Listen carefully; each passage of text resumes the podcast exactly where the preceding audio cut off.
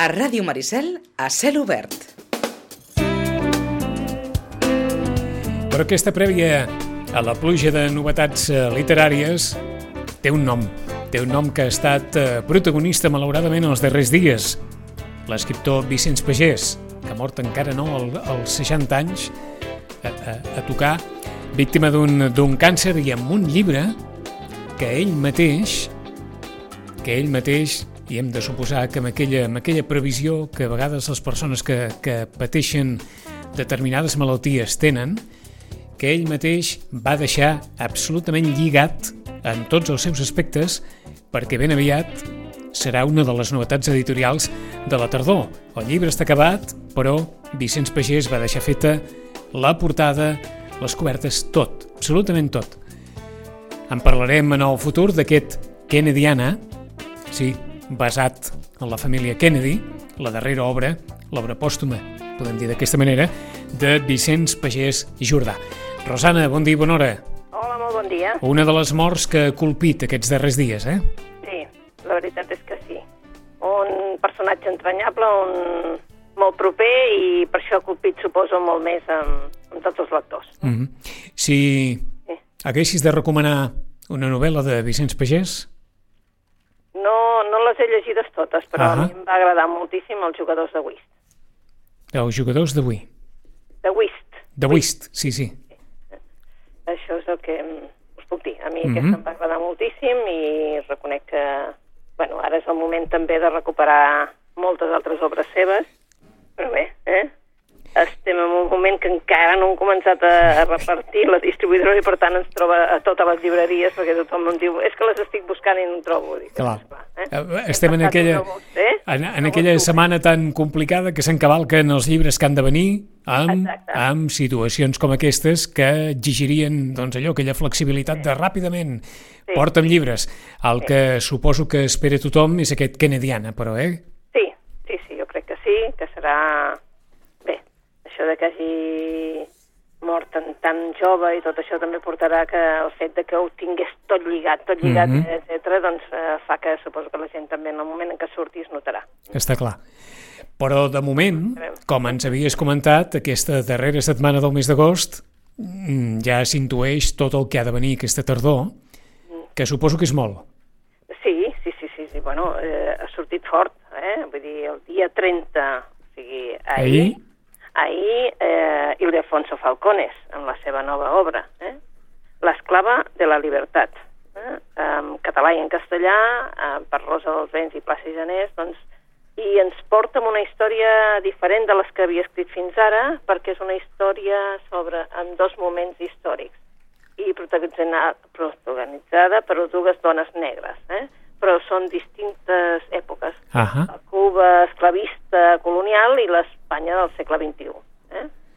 Per què? Perquè a Cuba, mitjans del segle XIX, um, a, la, a aquesta illa caribenya, doncs, uh, hi arriba un, un barco ple de, de dones. Més de 700 dones i nenes, de fet, sequestrades d'Àfrica, i que arriben per treballar, per treballar als camps de canya de sucre, eh, ja coneixem nosaltres la història, i a partir d'aquí també seran esclaus, no? I Kaweka, que és una de les noies que ha arribat, eh, bé, és una noia especial, ella sap que té un do, eh, ella viu com una esclava, eh, els fan treballar fins, bueno, fins a l'infinit, no? Uh mhm. -huh. I el, el marquès de Santom, Santadoma eh, eh, és el que té tota la plantació ella té un do per curar i per alliberar amb la... De, de, per portar a terme de que una lluita entre els seus per veure si eh, bé, eh, poden posseir els cossos, els, els amos, però no pas les seves ànimes. I després tenim la història, perquè de Madrid a l'època actual, que hi ha una jove, també mulata, en aquest cas, que és l'Alita, que és la filla de la Concepción. La Concepción és una dona que porta tota la vida fent feines, no? Sí. A casa dels marquesos de Santa Doma. La Lita ha aconseguit tenir estudis, però li és difícil trobar una feina i, bé, la precarietat laboral la porta a demanar ajuda al marquès de Santa Doma, que, el, que té banca privada i que, doncs, que li doni un lloc allà. Què passa? Doncs que averiguarà certes coses que, evidentment, eh, de què, com van fer la fortuna aquests marquesos i aquí doncs, ve tota la història i tot el, eh, de, de, del llibre, hm? de les dues històries, la història del segle XIX, dels ancestres i de l'elita en el moment actual. O sigui que una nova novel·la històrica? Sí, sí, sí, sí, amb dos moments puntuals, o sigui, una és una que és la part històrica i una que és la part d'ara, eh? Que ens porta, eh? que el, la seva investigació la porta a saber qui eren els que, o sigui, qui eren els seus ancestres també, i que d'on també aquesta fortuna dels marquesos mm -hmm. de Santa Doma. Uh, um, ara estava pensant, quant de temps fa, quants anys fa que Ildefonso Fal Falcones? Falcones? Però molt, no? Bastants, bastants, bastants, i ara diria que molts, eh? Vaja, potser perquè el temps passa molt de pressa o aquella sensació, no? Però, però com que després es va veure embolicat en qüestions financeres i històries uh, d'aquestes... Sí. D'acord, d'acord. Doncs sí, ja el... feia, ara feia molts anys que no, no teníem nova novel·la de, de l'Ildefonso Falcone, uh -huh. i suposo que també és veritat que la gent, doncs, com que li agrada el seu estil de novel·la històrica i de manera de narrar, doncs bé, els primers lectors ja van venir ahir ràpidament a, uh -huh. a buscar-la. Doncs en català i en castellà, L'esclava de la llibertat, L'esclava de la llibertat, el mateix, el mateix títol, i el Defonso Falcone és acabada de sortir, va sortir ahir. Per on seguim? Seguim per un, per un altre autor que, mira, resulta que, com que parlàvem de la illa de Cuba, doncs ara tornem a la illa de Cuba, però tornem amb el Leonardo Padura, eh? un autor que, per aquells que no l'hagin llegit, això és un apunt que no té res a veure amb això, sí. eh, hi ha una obra que sí que vam recomanar aquí ja fa molt de temps, que era com Polvo en el viento, eh, que no se l'han de perdre. És una novel·la excepcional i no té res a veure amb les novel·les que ara parlarem, perquè aquesta és Don Mario Conde. Aquesta d'avui, que surt avui, es diu Persones decentes. És el, de la protagonista, el protagonista és el Mario Conde, sí. ell ja n'ha fet tot una sèrie de novel·la policíaca, però són unes novel·les policíaques diferents. En aquest cas, eh, el Leonardo Padura en aquesta novel·la en concret ens barreja també dues històries. Dues històries, eh, una que és el passat, eh? una història d'un personatge que es deia Yarini, que en definitiva era un mafiós i que controlava, diguéssim, amb, amb, vull dir, volguem portar com uns salons així com a de molta elegància la prostitució a, a la illa. Mm -hmm. I, de fet, eh, clar, estava amb, com que, evidentment, no era ell sol, eh? hi havia, estava en contra de, de, de tots els francesos que havien arribat i tenien doncs, dones franceses doncs, també exercint la prostitució. Què passa? Que ara el Mario Conde eh, resulta que estava ell, com que ja ha deixat de ser policia, doncs està fent de guarda, diguéssim, de guarda jurat, eh? un guarda jurat, una espècie de guarda jurat amb una discoteca molt famosa, etc. I eh, ja és un moment crític per la illa, perquè estem a l'Havana del 2016 i hi ha una sèrie de que faran que l'Havana en aquell moment estigui revoltada. Per què? Pues que és eminent eh, que arribi el Barack Obama, per primera vegada des de feia molts anys, un, que vingui eh, aquí a fer relacions i, diguéssim, eh, trencar una mica el gel de, de tota la relació que hi havia amb Amèrica i també resulta que hi ha uh, un concert dels Rolling Stones i, a més a més, un desfil de Chanel.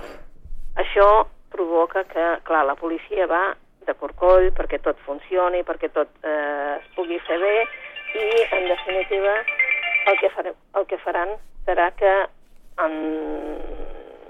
es veuen desbordats i necessiten uh -huh. el Mario Conde. Necessiten el Mario Conde perquè ha aparegut un exgovernant de la illa, Quevedo, que ha, ha resultat que ha aparegut així mm, mutilat a casa seva, amb unes connotacions sexuals, perquè li han, vull dir, evidentment ha tingut relacions sexuals, sí. eh, però amb un altre home, um, i era un tio que era, uh, era exdirigent, però a més a més s'havia portat molt, molt malament amb tot el tema artistes i de l'època perquè el que els havia fet era extorsionar-los perquè anessin a favor de la revolució, però a més a més es descobreix que s'havia quedat les seves obres, les més cares, etc etc.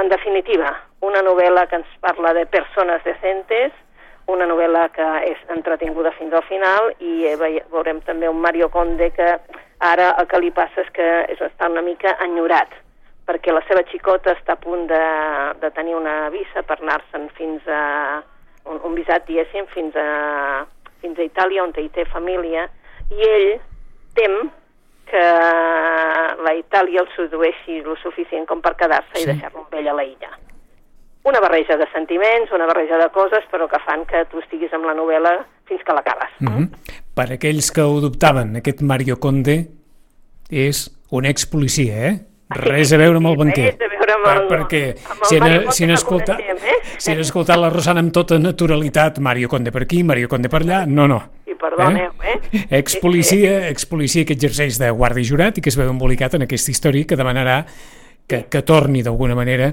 a investigar l'assassinat d'aquest exgovernant de l'illa que extorsionava artistes. De Leonardo Padura, Persones decentes, i si no han llegit res de Leonardo Padura, la Rosana ho recomana Como fuego en el viento. Como fuego, sí. Per on seguim, Rosana? Bé, podíem seguir per aplaudir a la Magrana, que torna a reeditar però amb força, i aquesta vegada ens porta diverses novel·les, que en parlarem potser la propera vegada, però també ens porta els clàssics. Eh, la Magrana tenia els clàssics al català i s'havien perdut. Els clàssics, quan parlem dels clàssics, vull dir dels clàssics grecs i latins. Eh? Sí.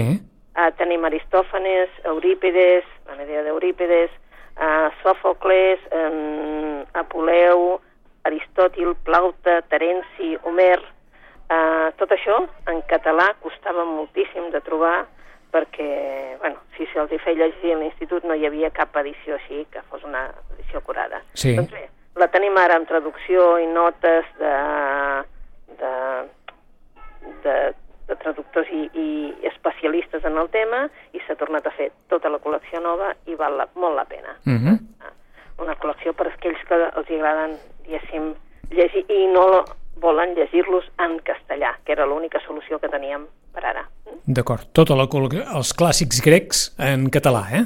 Sí, estem fent ara només aquests autors, però suposo que continuaran la, la col·lecció. Mm -hmm. Decidits a, a posar la magrana dintre del segell que havia estat en els seus inicis. Perfecte. Doncs qui vulgui anar a parar als clàssics, els clàssics més clàssics, a la Magrana, editats en català, amb traduccions en català. Què més? Què més? Vinga, doncs anem per una novel·la completament diferent. Es diu La Postal i eh, l'autora la, és la Anne Berest. Um, la postal és tan simple com que hi ha una senyora que està tranquil·lament, veiem una família, ell és, uh, ell és professor, ell és investigador, ella és professora a la universitat, etc etc. La senyora està fumant tranquil·lament i reben el correu. Eh? agafa el correu, el posa sobre la taula i troba una postal. Una postal que es veu eh, a l'òpera, sí. eh, l'òpera Garnier, París, l'òpera sí. Garnier, una postal que es veu que és antiga, eh, que no sap ben bé, eh, i, bueno, i mira al revés, i llavors resulta que només hi ha quatre noms. Quatre noms que resulta que són els besavis d'Efraim i Emma, que són els besavis d'ella, de, de, de, d'aquesta senyora que, que ha rebut la postal. Sí. Són els seus besavis i els tiets, és a dir, els germans de, de la seva mare. Uh -huh. uh, què passa? Doncs que tots quatre van ser, van ser agafats pels nazis i portats a un camp d'extermini i estan morts tots quatre. Mm, qui ha enviat la postal? Per què reben aquesta postal? a partir d'aquest moment ella, evidentment, doncs, tindrà un ensurt molt gran, els reuneix amb el seu marit i els fills i, i els explica això, però, clar, eh, ells són joves i els nois no és que no saben ni de qui estan parlant perquè no saben ni de qui estan parlant. Però al cap d'uns anys, la Anne Pérez, resulta que el personatge de la, de, la, de la novel·la resulta que el que li passa és que està esperant una criatura, um, ha de fer repòs, i pensen que potser a casa dels pares estarà més bé. I és el moment per ella, ara que ella està esperant una criatura, que vol saber la història de la seva mare, de la seva àvia i d'aquesta família que ella no en sabia absolutament res. I és quan comença a investigar. I aquí doncs hi ha d'una manera molt dolça, però també molt crítica, la història íntima d'aquesta família, d'aquesta família que ella arriba a saber, doncs això, el periple que van tenir des de Rússia, Letònia, Palestina, París, la guerra... Mm, bé, eh, també ella buscarà l'ajuda d'un detectiu prova, eh, privat i un grafòleg i al final arribarà a, a poder interrogar els habitants del poble on vivien.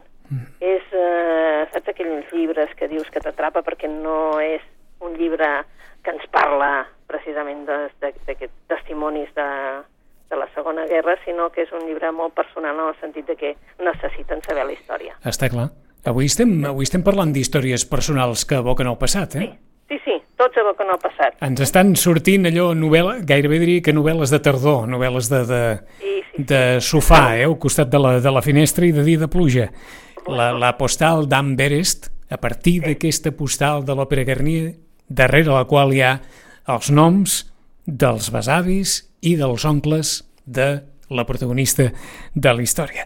I tenim temps encara per una recomanació més, Rosana. Doncs mira, avui també surt eh, la Asa Larson, que feia molt de temps també que no sortien les novel·les de policiaques de l'Assa Larson. -huh. Clar, mm, també, eh? Mm, bé, la tardor... No, ho, porta. Ja, ja, ja va bé, eh? Ja va bé, no? Ho porta, ho porta. Ho porta, no? Bé, avui com a mínim ha plogut, s'ha notat una mica de canvi de, de temps, eh? Una mica. S'ha notat una mica de tardor. Sí, eh que sí? Bueno, una mica, com a mínim, eh? eh? Bueno, no sé si ens durarà tot el dia, però bueno, una miqueta sí. Doncs bé, tenim la Salarson, que ens porta, ella ja és una veterana, diguéssim, en els títols, estan en català i en castellà sempre, i resulta que la Salarson en aquest cas ens, ens va cap a una història d'un patòleg, un patòleg que Lars Hafsen, que sap que li queda poc per viure perquè té un càncer, i li, li demana a la Rebecca Martinson que investigui un assassinat que va passar 60 anys enrere. Mm -hmm. I va ser el cadàver de, del, del pare d'un famós boxejador que va desaparèixer l'any 62. Eh, què va passar? No va deixar rastre, mm, però acaba de ser descobert dintre d'un congelador d'una granja. A partir d'aquí la Rebeca doncs, accepta involucrar-se en el cas, um, sense dir que potser hi té alguna relació personal en el mateix, i les pistes el porten, bueno, amb qui? Doncs amb una persona que va ser el capo del crimen organitzat eh, a la regió de la, la regió. I clar, um, és una regió que es troba en plena transformació perquè tenien mines i la veritat, eh, tot acabat doncs, eh, amb un no-res. Eh? Uh, la Salarson, que és uh, una de les autores conegudes eh, de, del, de la novel·la negra, ens portarà una novel·la, doncs això, extensa, bueno, d'aquestes que de més de 600 pàgines, crec, uh -huh. i que eh, ens porta això. Eh? Ja al sofà directes per uh, Los pecados de nuestros padres. Eh? Los pecados de nuestros padres. Mm? Ara ja em, diràs, ja em diràs tu com aguanta una persona 60 anys en un congelador Mm. No, això és que... És, eh, allò, no, eh? Llicència literària, eh? Sí, Però, eh? Sí. Los, los pecados de, per, per aquells que pensin i no es va tallar mai el, el corrent elèctric en 60 anys bueno, eh? és que no sabem com el van trobar eh, ah, també és veritat sí, home, jo, bueno, eh, eh, si estava per aquí sí que se li va tallar el corrent perquè aquí se'ns talla, ja ho saps una home, mica, de vegades se'ns talla un, unes horetes. Per, bueno, unes per descomptat que aquí no, aquí no es podria parlar de 60 anys continuats, eh? No, no, està no. clar, està clar.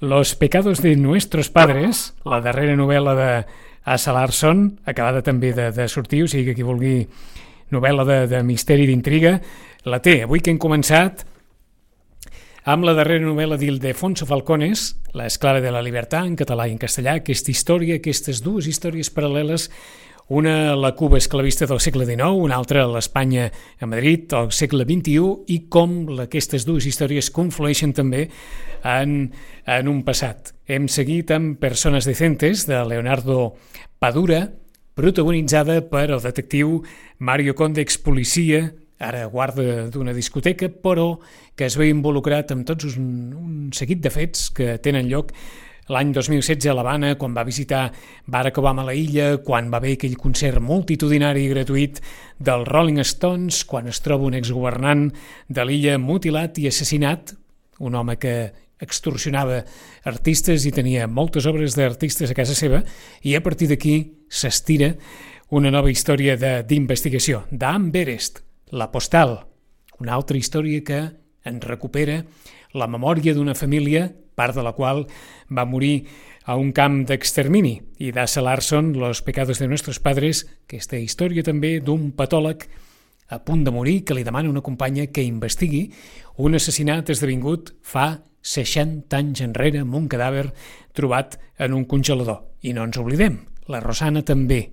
Per tots aquells a qui us agracin, que us agradin els clàssics grecs, tenen en versió catalana i editada per La Magrana, tota la col·lecció dels clàssics grecs disponibles. Aquells que comenci el curs i us hi demanin ja els primers llibres de, de text o de lectures, els clàssics grecs, que sàpiguen que els podrem trobar en català. En 15 dies més novetats, més encara perquè això només acaba de començar, que estem al darrer dia d'agost, amb la Rosana Lluc. Rosana, bona lectura i fins d'aquí 15 dies. Bona lectura amb vosaltres també. I a tots vostès, demà a les 9 hi tornem. Molt bon dimecres, adeu-siau.